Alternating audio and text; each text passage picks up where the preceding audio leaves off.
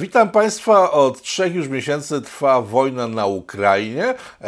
Od ponad dwóch miesięcy akces do NATO zgłaszają Finlandia i Szwecja. W sensie dwa miesiące temu zgłosiły taką chęć przystąpienia, a nie tak dawno, parę tygodni temu zgłosili oficjalnie chęć wstąpienia do NATO. Ten temat został od razu zblokowany werbalnie przez Turcję, która stwierdziła, że nie, nie zgadza się na to. A skoro Turcja, to pan Jan Wójcik, który opowie nam o wszystkich szczegółach dotyczących tej sytuacji, czy Szwecja znajdzie się w NATO, czy Finlandia znajdzie się w NATO, czy też może Turcja mówiła poważnie, czy też nie do końca. Panie Janie, jak to jest e, z tą Szwecją i Finlandią w NATO blokowanymi przez Turcję? Czemu? Dzień dobry panu i dzień dobry państwu. To właściwie, żeby powiedzieć to tak w szczegółach, to musiał znać te szczegóły. Prawdopodobnie wszystkich nie znamy i nie wiemy też dlaczego. Pewne, pewne rzeczy są może gdzieś kulisowo załatwione, natomiast z tego co widać, to Turcja powiedziała to zupełnie serio. I zupełnie serio możemy też powiedzieć, że Szwecja i Finlandia znajdą się w NATO ostatecznie. Znaczy, Turcja mówi w tym sensie zupełnie serio, że ona chce coś na tym ugrać i są to jakieś targi. E, nie tylko targi takie, powiedzmy tutaj e, cyniczne, że no, nadarzyła się okazja i coś skorzystajmy, ale jednocześnie też to, co podkreśla część analityków, e, że Turcja no, ma jednak swoje z jej perspektywy, tak wyrażane przez nią. My się oczywiście nie musimy z tym zgadzać, ale swoje zastrzeżenia co do jakby swoje problemy bezpieczeństwa, swoje zagadnienia i chcę, żeby NATO też tymi problemami równo się zajęło, nie tylko innymi krajami, ale również właśnie tym, że na przykład Turcja uważa się za zagrożoną przez organizacje terrorystyczne e, i twierdzi, że najwięcej zamachów terrorystycznych dokonywanych jest na terenie Turcji, właściwie najbardziej jest tym krajem natowskim doświadczonym przez te zamachy, a chodzi o kurdyjską organizację uznawaną również za terrorystyczną przez Unię Europejską, PKK, czyli Partię Pracujących Kurdystanu. I to jest podstawowa rzecz, której Turcja się domaga od e, Szwecji i Finlandii, żeby przestały wspierać te organizacje.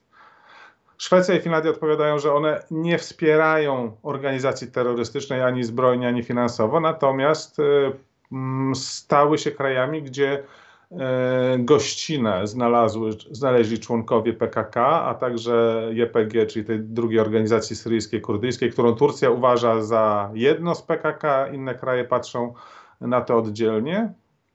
I Turcja domagała się czasami ekstradycji. Natomiast Szwecja z Finlandią nie zgadzała się na tę ekstradycję, głównie ze względu na e, zakaz e, powiedzmy, no, za, za, za, ryzyko tortur i bezprawnego procesu, co w, w przypadku Turcji możemy śmiało powiedzieć, no, że takie rzeczy są, tam się wsadza opozycjonistów po prostu do więzienia, wymyślając właśnie różne e, powody typu e, udział e, w organizacji terrorystycznej, popieranie terroryzmu i tak dalej. Więc to jest jeden z, jedna z tych rzeczy, której Turcja się domaga. Druga to jest również to, żeby Szwecja, Finlandia zniosły e, embargo na sprzedaż broni do Turcji, ponieważ kraje unijne, przynajmniej część krajów unijnych, innymi Szwecja, Finlandia, ale także Wielka Brytania, Holandia, zdecydowały się, że nie będą sprzedawać broni w roku 2019, kiedy Turcja rozpoczęła działania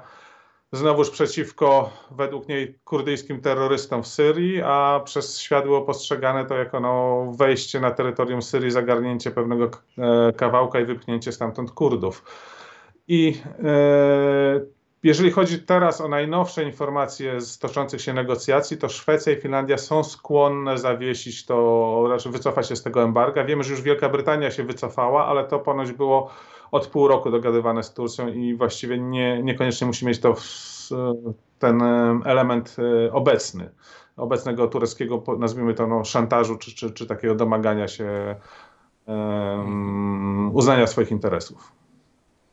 Bo przypomnijmy, że Turcja wkroczyła na teren Syrii, wypchnęła Kurdów, komunistów kurdyjskich na teren Iraku i od 19 roku, który Pan wspomniał, bombarduje systematycznie teren Iraku. Irak na to nie reaguje, bo to są tereny jezyckie, których to Jezydów Irakijczycy nie lubią, w związku z tym nie mają problemu z tym, że Irak jest bombardowany. Turcja generalnie chyba sobie mocno poczyna w swoich okolicach i prowadzi mocno niezależną, acz brutalną politykę. Znaczy próbuje sobie poczynać, tak? Dlatego, że też ta w końcu ta ofensywa w Syrii została powstrzymana. Turcja, Turcji nie udało się e, zakończyć budowania tego 30-kilometrowego korytarza wzdłuż granicy, który ma niby zabezpieczyć e, Turcję, ale Turcja chce dokonać tam też czystki etnicznej, to znaczy przesiedlić e, Syryjczyków, niekoniecznie Kurdów syryjskich, tylko Syryjczyków, którzy znajdują się na terenie Turcji, w tamten no, na tamten teren. Zgodnie z definicją czystka etniczna to nie jest tylko wymordowanie jakiejś grupy ludzi czy wypędzenie, ale również przesiedlenie innej grupy, zmiana pewnej struktury e, demograficznej w danym rejonie. I e, to jest też pewien ważny element w nadchodzących, bo pamiętajmy, to wszystko toczy się jeszcze wokół wyborów w 2023 roku prezydenckich, więc to jest kolejny element, ponieważ e, Syryjczycy są postrzegani w Turcji jako obciążenie i to jest jeden z istotnych e, elementów wyborczych, takich istotnych tematów wyborczych, czy jak zagospodarować, co zrobić z uchodźcami e, syryjskimi, czy oni już powinni wracać i tak dalej. Więc to jest pewien pomysł Erdogana na rozwiązanie tego problemu i to, co stało się w 2019 roku, dzieje się, próbuje Erdogan próbuje ponowić e, te działania, to znaczy już dwa, dwa, trzy dni temu zapowiedział, że Turcja będzie kontynuowała tworzenie tego pasu. W tym momencie odezwały się Stany Zjednoczone, że nie zgadzają się na to, ponieważ to według nich mm, postawi ich e, wojska, które znajdują się na terenie Syrii w jakimś stanie zagrożenia, ryzyka. I no nie wiadomo, czy Turcji na to pozwolą, ale to jest też trzeba pamiętać, że właśnie przy tych toczących się negocjacjach to Erdogan ma taką pewną zdolność, umiejętność, nie wiem, rzucania iluś tematów na stół, bo zawsze coś z tego ugra. Po, y, jak tutaj mogę, to teraz tak, domaga się również y, wydalenia gulenistów, czy za, za, mm, zaprzestania współpracy przez te kraje skandynawskie y, z organizacjami, z ludźmi związanymi z Fetulahem Gulenem, którego oskarża o przygotowanie i, stworzenie, e, przeprowa, próbę przeprowadzenia puczu w 2016 roku, a bardzo dużo gule, gulenistów i organizacje gulenistyczne z, znalazły miejsce w Sztokholmie. Mamy takie na przykład Nordic Freedom Center, to jest centrum zakładane przez dziennikarzy związanych z gazetami Gulena, które są dzisiaj bardzo krytyczne wobec Turcji, a Turcji udawało się znowuż z innych krajów nawet porywać tych gulenistów po to, żeby ich osądzić u siebie w kraju. Drugą rzeczą to jest wspomniane to wejście do Syrii, żeby Unia na to przymknęły na to oko. Trzecia rzecz to jest kwestia mm, relacji z Grecją. Dlatego, że mm, relacji z Grecją i właściwie relacji ze Stanami Zjednoczonymi. Jeżeli pamiętamy, Turcja zaczęła flirtować z Rosją w pewnym momencie. Mamy tutaj kwestię zakupu surowców, mamy kwestię budowy elektrowni atomowej i wreszcie mamy kwestię zakupu tych baterii S-400, czyli tych, tych, e, tego systemu antyrakieto, systemu rakietowego obrony przeciwlotniczej. I to spowodowało, że Stany Zjednoczone nałożyły na Turcję sankcje CATSA, czyli e, sankcje na tych, którzy współpracują z przeciwnikami Stanów Zjednoczonych i e, wy, wyrzuciły Turcję z programu budowy F-35 i, odrzuciły tu, turecką ofertę zakupu samolotów F-35. Wobec tego Turcja zwróciła się do Stanów, żeby no, w takim razie sprzedali zmodyfikowane samoloty F-16 i ten deal jest w tej chwili dopracowywany. Tymczasem Grecja z powodu licznych naruszeń przestrzeni powietrznej przez Turcję w związku ze sporem o Morze Egejskie, kwestie stref morskich, Grecja domaga się, żeby Stany Zjednoczone te, tych samolotów nie sprzedawały. I tu my mieliśmy znowuż konkretną, konkretną awanturę i kolejną awanturę, to znaczy premier Grecji e, pojechał do Stanów Zjednoczonych, występował przed kongresem i przekonywał, żeby kongres nie zatwierdził tej, sprzedaży tych samolotów Turcji. Po czym premier, prezydent Erdogan stwierdził, że dla niego premier Grecji nie istnieje, on go w ogóle nie chce znać, on nie będzie z nim rozmawiał i go nie uznaje. No, znowuż tutaj była jakaś taka miękka reakcja Unii Europejskiej. Grecja trochę się znowuż na Unię może obraziła, czy uznała, że może Grecja, że Unia Europejska znowuż nie jest jakaś tutaj bardziej stanowcza, że powinna powinna bardziej naciskać na Turcję. No i tu Grecja też zaczyna współpracować ze Stanami Zjednoczonymi. To, to, chyba też jest inicjatywa Stanów Zjednoczonych. Od lipca na greckiej wyspie Kreta w bazie Sauda będą stacjonować e, samoloty amerykańskie myśliwce, te F-35, których Turcja nie dostała, i F-15 myśliwce bombardujące, które oficjalnie tam lecą na ćwiczenia, mają zasięg też takiego patrolowania Bliskiego Wschodu, Morza Czarnego. Turcji to się bardzo nie podoba, dlatego że widzą większą współpracę Stanów Zjednoczonych e, z Grecją, a kiedyś to oni byli tym preferowanym partnerem. No jest to też taki sygnał dla Turcji, że no niekoniecznie te bazy amerykańskie w Turcji, zwłaszcza ta słynna baza Incirlik, są dla Stanów niezastępowalne, że Stany mogą po prostu próbować szukać gdzie indziej y, możliwości stacjonowania i Stany zresztą, to jest jakby dość racjonalny ruch ze strony Stanów Zjednoczonych, bo ta baza Incirlik pojawia się w różnych momentach jako, jako taki element szantażu.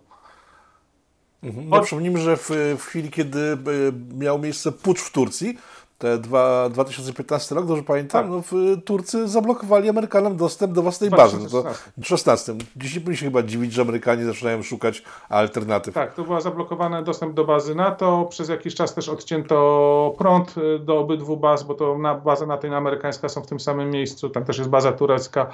Okej, okay, można zastanawiać się, czy Turcja po prostu nie chciała tego odciąć, żeby no, inne ataki jej wojska nie wystąpiły przeciwko prezydentowi, ale no, przez jakiś czas to trwało i budowało napięcia.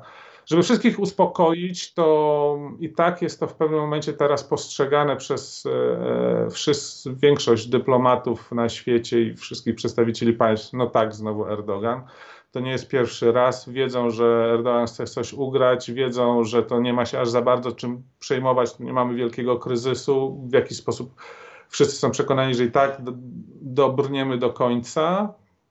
E, trzeba tutaj przypomnieć przecież e, Turcja w 2019 roku blokowała też polskie interesy w NATO, bo właśnie z powodu tej krytyki, tego, że ona, a z drugiej strony niechęci pomocy NATO w tej operacji w północnej Syrii, którą Turcja przeprowadzała, Turcja chciała zablokować e, plany NATO wzmocnienia wschodniej flanki.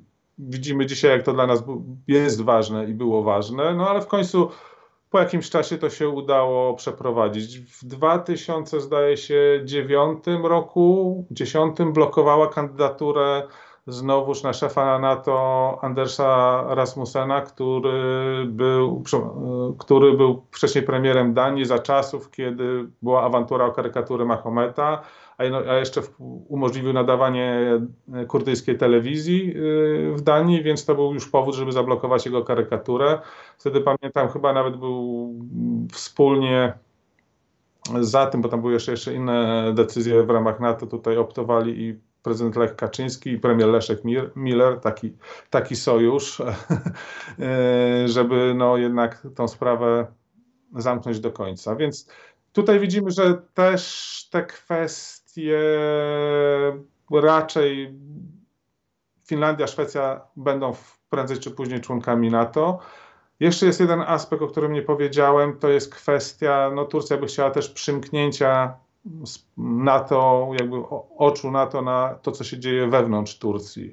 To znaczy, że Turcja coraz śmielej sobie mm, poczynia z opozycją. Ostatnio został skazany na wiele lat więzienia Osman Kavala, czyli turecki opozycjonista, aktywista, który przeciwko jakby jego skazaniu wcześniej, przeciwko jego sądzeniu występowało 10 ambasadorów e, państw zachodnich, Rada Europy. Turcja to zupełnie, brzydko mówiąc, olała. I y, korzystając też z tego, że teraz jest kwestia Ukra wojny na Ukrainie, Turcja jest niezbędna, dokonała tego, co chciała. Z drugiej strony też e, skazała teraz niedawno na 4 lata więzienia Cenan Katancioglu, to jest, Katancioglu to jest e, turecka polityk, szefowa CHP, w, czyli Partii Republikańskiej w, w regionie Istambułu i przymierza się w czerwcu do sądzenia głównego kandydata, kontrkandydata prezydenta Erdogana, Ekrema Imamoglu, którego też by chciała, no, jeżeli by się udało go posadzić do więzienia, no to część problemów z wyborem Erdogana by znikło. Więc e, Turcja tu próbuje coś takiego ugrać.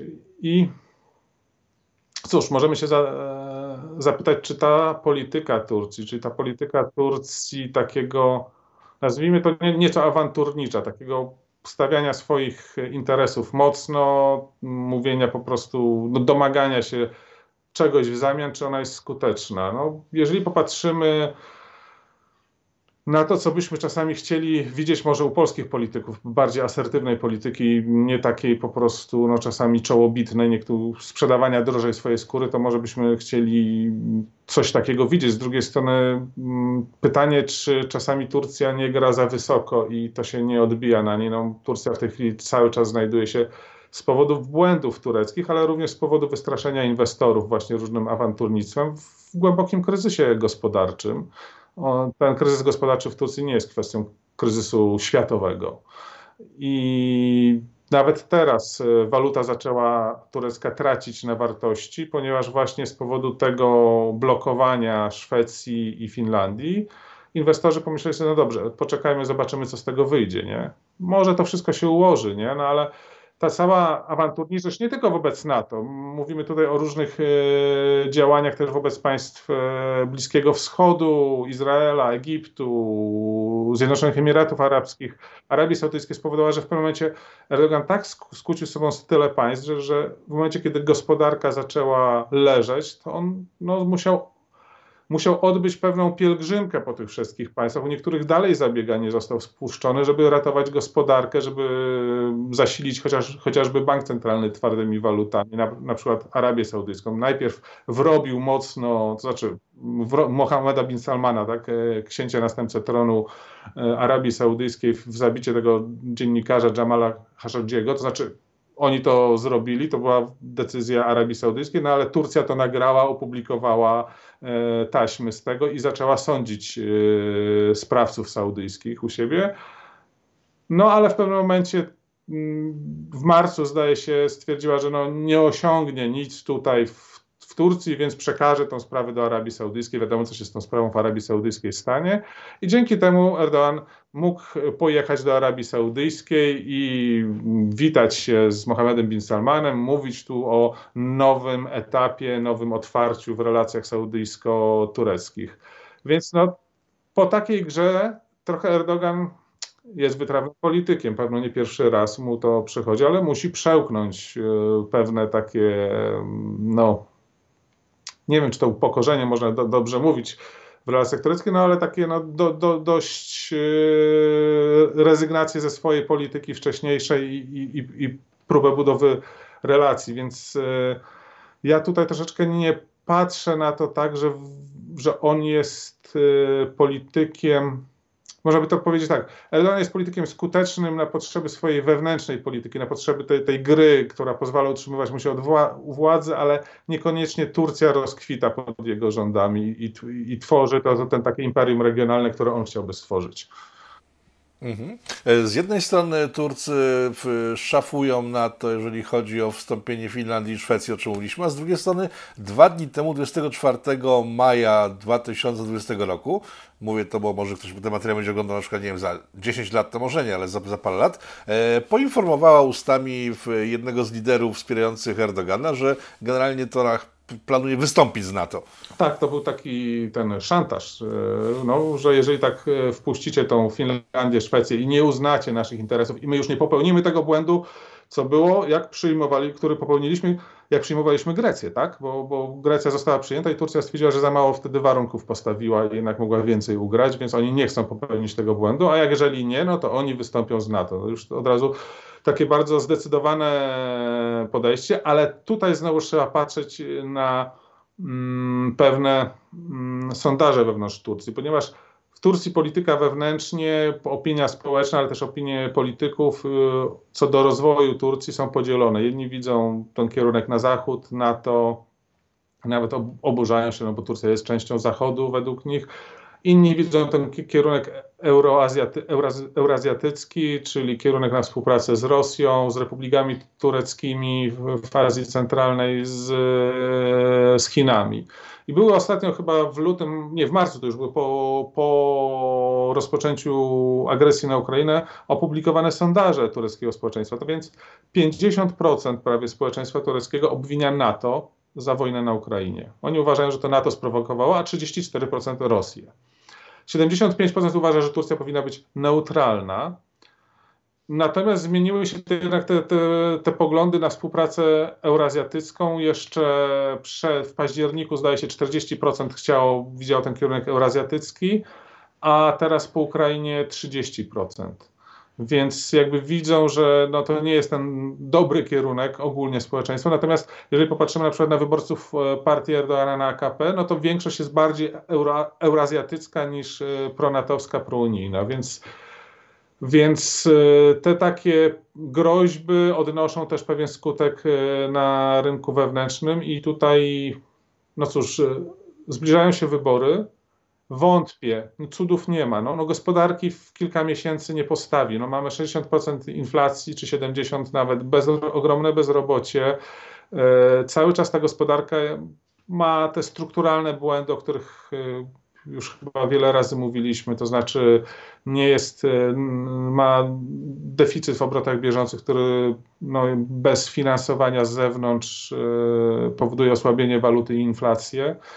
E, I e, to jest bardzo ciężko zasypać z powodu struktury Turcji, jaka ona się znajduje, ponieważ ona nie jest producentem, mm, wydobywcą jakichś surowców, które może wydobyć i sprzedać i tutaj zyskać na tym dopływ waluty, ani nie jest właścicielem końcowych łańcuchów e, wartości, czyli ty, tych towarów końcowych, tylko jest pod, podproducentem, który żeby sprzedać na zewnątrz, nawet jak spada kurs waluty, to musi kupić, co uderza, no ściąg, ściągnąć podzespoły do, do montowania, więc to uderza w Turcję i do tego jeszcze sytuacja żywnościowa, gdzie Turcja większość e, dóbr żywnościowych, e, raczej zboża i tych takich podstawowych ściągała z Ukrainy i Rosji.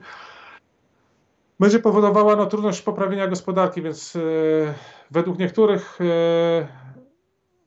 obserwatorów tureckiej sceny Erdogan powoli zmierza do takiej narracji walki Turcji no, z Zachodem, takiego w wyborach, tak, że on tu będzie reprezentował tą taką asertywność Turcji, tą indywidualną politykę wobec Zachodu, który no, jest niesprawiedliwy i nieuczciwy wobec Turcji, aczkolwiek to nie wiem, czy będzie spowodowało wyjście Turcji z NATO. Nie sądzę, że Turcji na tym zależy, nie sądzę też, że NATO na tym zależy, chociaż nawet niektórzy politycy mogą się wydawać zniecierpliwieni i może to nie jest już tylko kwestia położenia geopolitycznego. Przy, przypomnijmy, chodzi o cieśninę Bosfor i dostęp do Morza Czarnego, ale również chodzi też, no, że no, nikt nie chciałby, żeby Turcja znalazła się gdzie indziej, tak, przystąpiła do innego sojuszu.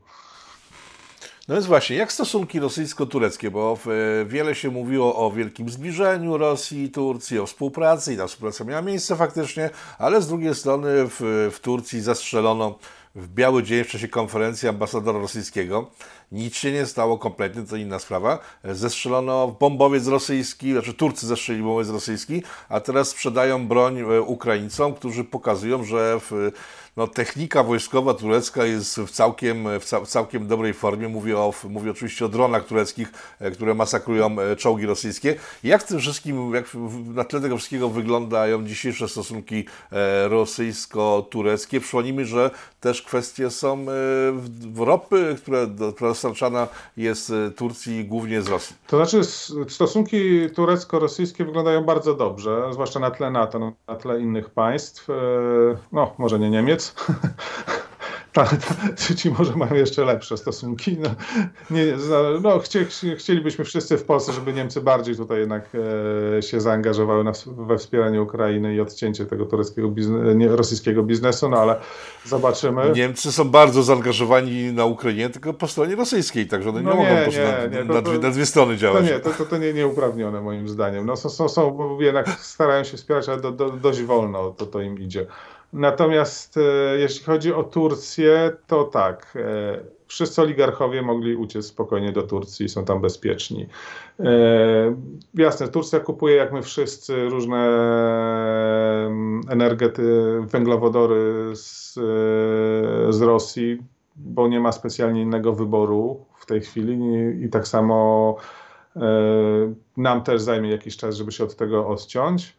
E, z drugiej strony ostatnio podały gazety rosyjskie, że Turcja może stać się rosyjskim pośrednikiem żywności na Bliski Wschód, e, ponieważ by Rosja tutaj mogła dalej eksportować żywność i, i omijać sankcje jakieś, jeżeli by e, tutaj miały miejsce. Natomiast Turcja no, wtedy zyska dość duże, duży lewar na te państwa, no bo wiemy, że spodziewamy się głodu i o tym rozmawialiśmy w poprzednim programie. E, spodziewamy się głodu na Bliskim Wschodzie i braków żywności, ale na pewno wysokich cen, więc Turcja tutaj jako dystrybutor żywności na Bliski Wschód e, mogłaby coś ugrać dla siebie.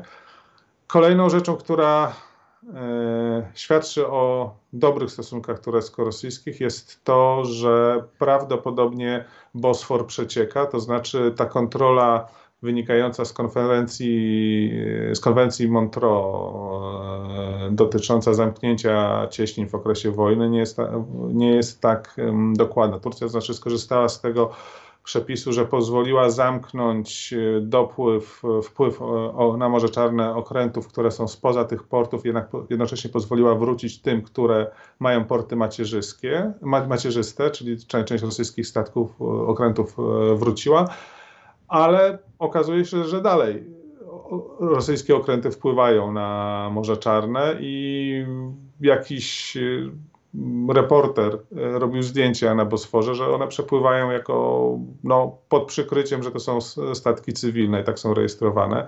I rzeczywiście tych okrętów pojawia się więcej, które na przykład blokują e, ukraiński eksport żywności. I tutaj Turcja no, nie zachowuje się dość, powiedzmy, uczciwie, bo jednak dostęp e, statków, okrętów NATO jest e, zablokowany.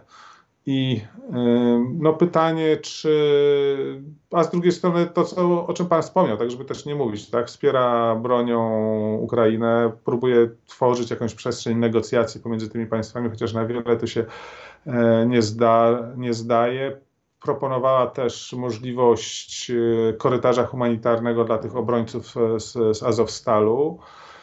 No i no to, to akurat to nie zostało przyjęte. I też Turcja próbuje, no, no jakby w, w, cały czas te, te transporty samolotów z Turcji do Rzeszowa przybywają, no i jakiś sprzęt pewno i, i wsparcie dla Ukrainy jest wysyłane, dlatego że no cóż, z jednej strony Turcja musi współpracować z Rosją, chociażby kwestie żywności, chociażby kwestie surowców, a z drugiej strony w interesie takim strategicznym Turcji mm, całe wybrzeże północne Morza Czarnego pod kontrolą rosyjską to nie jest e, no, dobra sytuacja i do tej sytuacji Turcja stara się nie dopuścić. Mhm. E, przypomnijmy, że przy pierwszym Majdanie w 2014 roku Turcja e, zgłaszała swoje roszczenia co do Krymu i okolic. To chyba zostało jakoś wyciszone i temat wymarł. nie, nie to był to temat e, dość chyba incydentalny nie jest to jakaś stała polityka Turcji i Turcja raczej no, na Krymie się nie pojawi. Gdyby była taka okazja, na pewno by skorzystała, znając Turcję ale, i obecne władze. Natomiast y, nie sądzę, że, że to w tej chwili w ogóle taka okazja się pojawi i ani Ukraina, ani Rosja nie będą chciały Krymu gdzieś odpuścić zupełnie. E, więc e, no, dalej. Temat otwarty, tak, ale nieaktualny w tej chwili. Dużo tego, co będzie się działo w Turcji, trzeba pamiętać, będzie podporządkowane wyborom, no bo tutaj prezydent Erdogan stara się utrzymać władzę przy spadających sondażach ze względu na sytuację gospodarczą, mhm. społeczną w kraju. Doktryna turecka mówi od dawien dawna, przynajmniej od początku lat 90., że za wszelką cenę będą chcieli przejąć e, tureckie, umownie, republiki postradzieckie w tej chwili e, te republiki głównie islamskie, rosyjskie, w związku z wojną na Ukrainie, e, no, nie to, że oddalają się od Rosji, ale zaczynają grać na siebie mocno. Czy Turcy coś z tym robią? Czy starają się tam wejść w, ten, w to podbrzusze rosyjskie, czy, to też, czy są na to zasłabi? Myślę, że była ostatnio inicjatywa Erdoana, gdzie, gdzie było spotkanie, kolejne forum tych e, ludów e, tureckich i wizyty, natomiast na razie to się nie do końca udaje. Z drugiej strony mamy Chiny, które też tamtędy chcą, myślą o budowaniu e, swojego jedwabnego szlaku, więc tutaj jest też ta konkurencja, chociaż myślę, że w pewnym momencie Chinom na rękę byłoby to, gdyby miały, miały partnera takiego jak Turcja, który by kontrolował tą strefę i, i, współpracował, współpracował. Na razie z tego jeszcze wiele nie wynika. Wróćmy chwilę do głodu, bo tak jak Pan mhm. mówi, robiliśmy program o potencjalnym, a czy o potencjalnym, o głodzie, który nadejdzie e, w związku z wojną e, do Europy, do Afryki i do, do, do innych części świata. Ukraina na początku wojny, w sensie po pierwszym miesiącu, powiedziała w głośno, że zamyka eksport zboża za granicę, co wywołało panikę. Zresztą wtedy właśnie chyba rozmawialiśmy na ten temat, bo Afryka, większość krajów afrykańskich jest uzależniona albo od Ukrainy, albo od Rosji, albo bierze pół na pół e, żywność z tych krajów. E, tymczasem sam pan przed chwilą powiedział o tym, że e, Ukraińcy w tej chwili rozpaczają, że eksport zbóż no, ma spore problemy. W końcu jak jest? Czy Ukraina zamknęła się na ten eksport? Czy zamknęła eksport? E, czy, czy, czy, czy nie będzie problemu z tym, żeby kiedy udrożni granicę, e, zboże z Ukrainy szło za jej granicę? Po pierwsze dynamika wojny. Nie? Na, na początku wojny nie, nie było wiadomo, co się wydarzy, jak, jak bardzo kraj będzie pod, sam potrzebował żywności. Z drugiej strony kraj potrzebuje finansów i no, jednak to był jeden z głównych towarów eksportowych Ukrainy. Ukraina i Rosja jakby nie, nie bez kozery nazywane są e, spichlerzem mm, świata albo przynajmniej tego, tego rejonu. I um, Ukraina chciałaby eksportować. Te statki są przetrzymywane przez, przez Rosję. W tej chwili jest inicjatywa, zdaje się, niemiecka. Słyszałem, że miała być polska, ale z tego co słyszałem, Deutsche Bahn będzie próbowało wywozić zboże z Ukrainy i przez porty eksportować dalej. Więc e, jest tutaj taka pomoc, żeby to obejść. Natomiast no, obydwa kraje, i Ukraina i Rosja, zadeklarowały na pewno na początku, że ten eksport spadnie o 7 miliardów chyba ton, e, eksport zboża. No i ta sytuacja na świecie to nie tylko jest kwestia, przypomnijmy, wojny, to jest już kwestia do tego też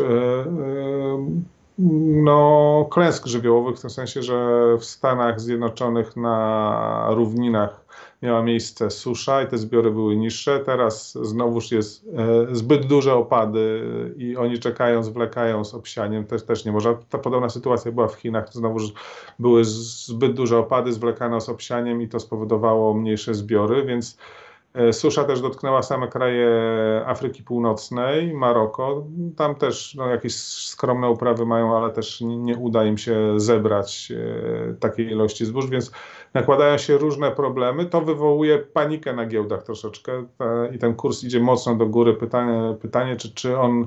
Nie, czytałem takie fora inwestorów zajmujących się rynkami mm, no, commodities, czy, czy, czyli dóbr e, towarowych że no te,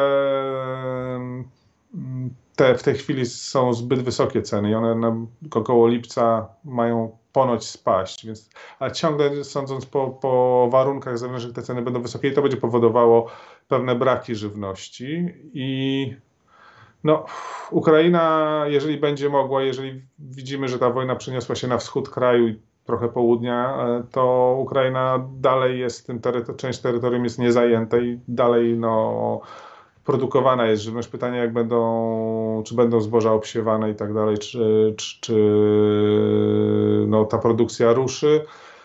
Zwłaszcza, że ten stres żywnościowy pojawi się pod koniec tego roku, na początku przyszłego tego roku, bo w tej chwili jeszcze część świata jedzie na zapasach. Przypomnijmy, największe zapasy na świecie zgromadziły Chiny, 50% zapasów e, pszenicy, 60% ryżu, światowych zapasów.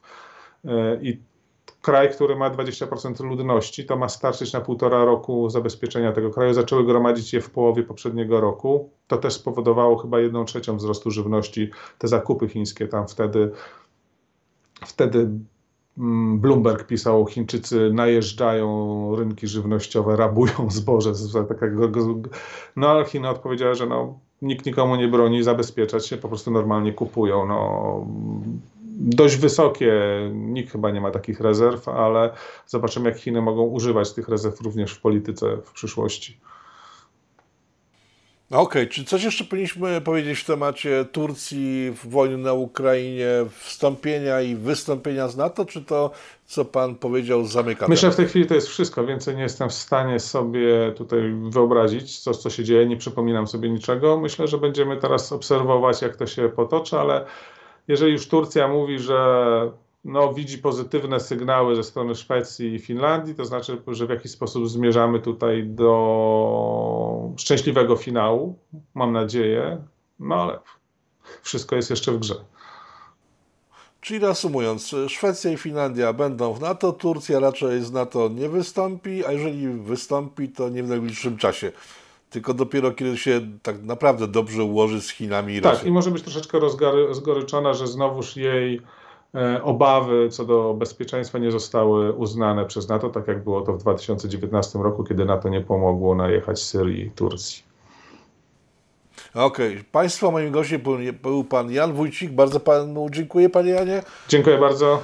E Euroislam.pl wciąż niezmiennie. Wciąż. I Układ Sił. I Układ Sił i Security for Freedom Fundacja. No dobrze, to linki wrzucimy po, pod program, a Państwu serdecznie dziękujemy za spotkanie. Dziękuję bardzo również.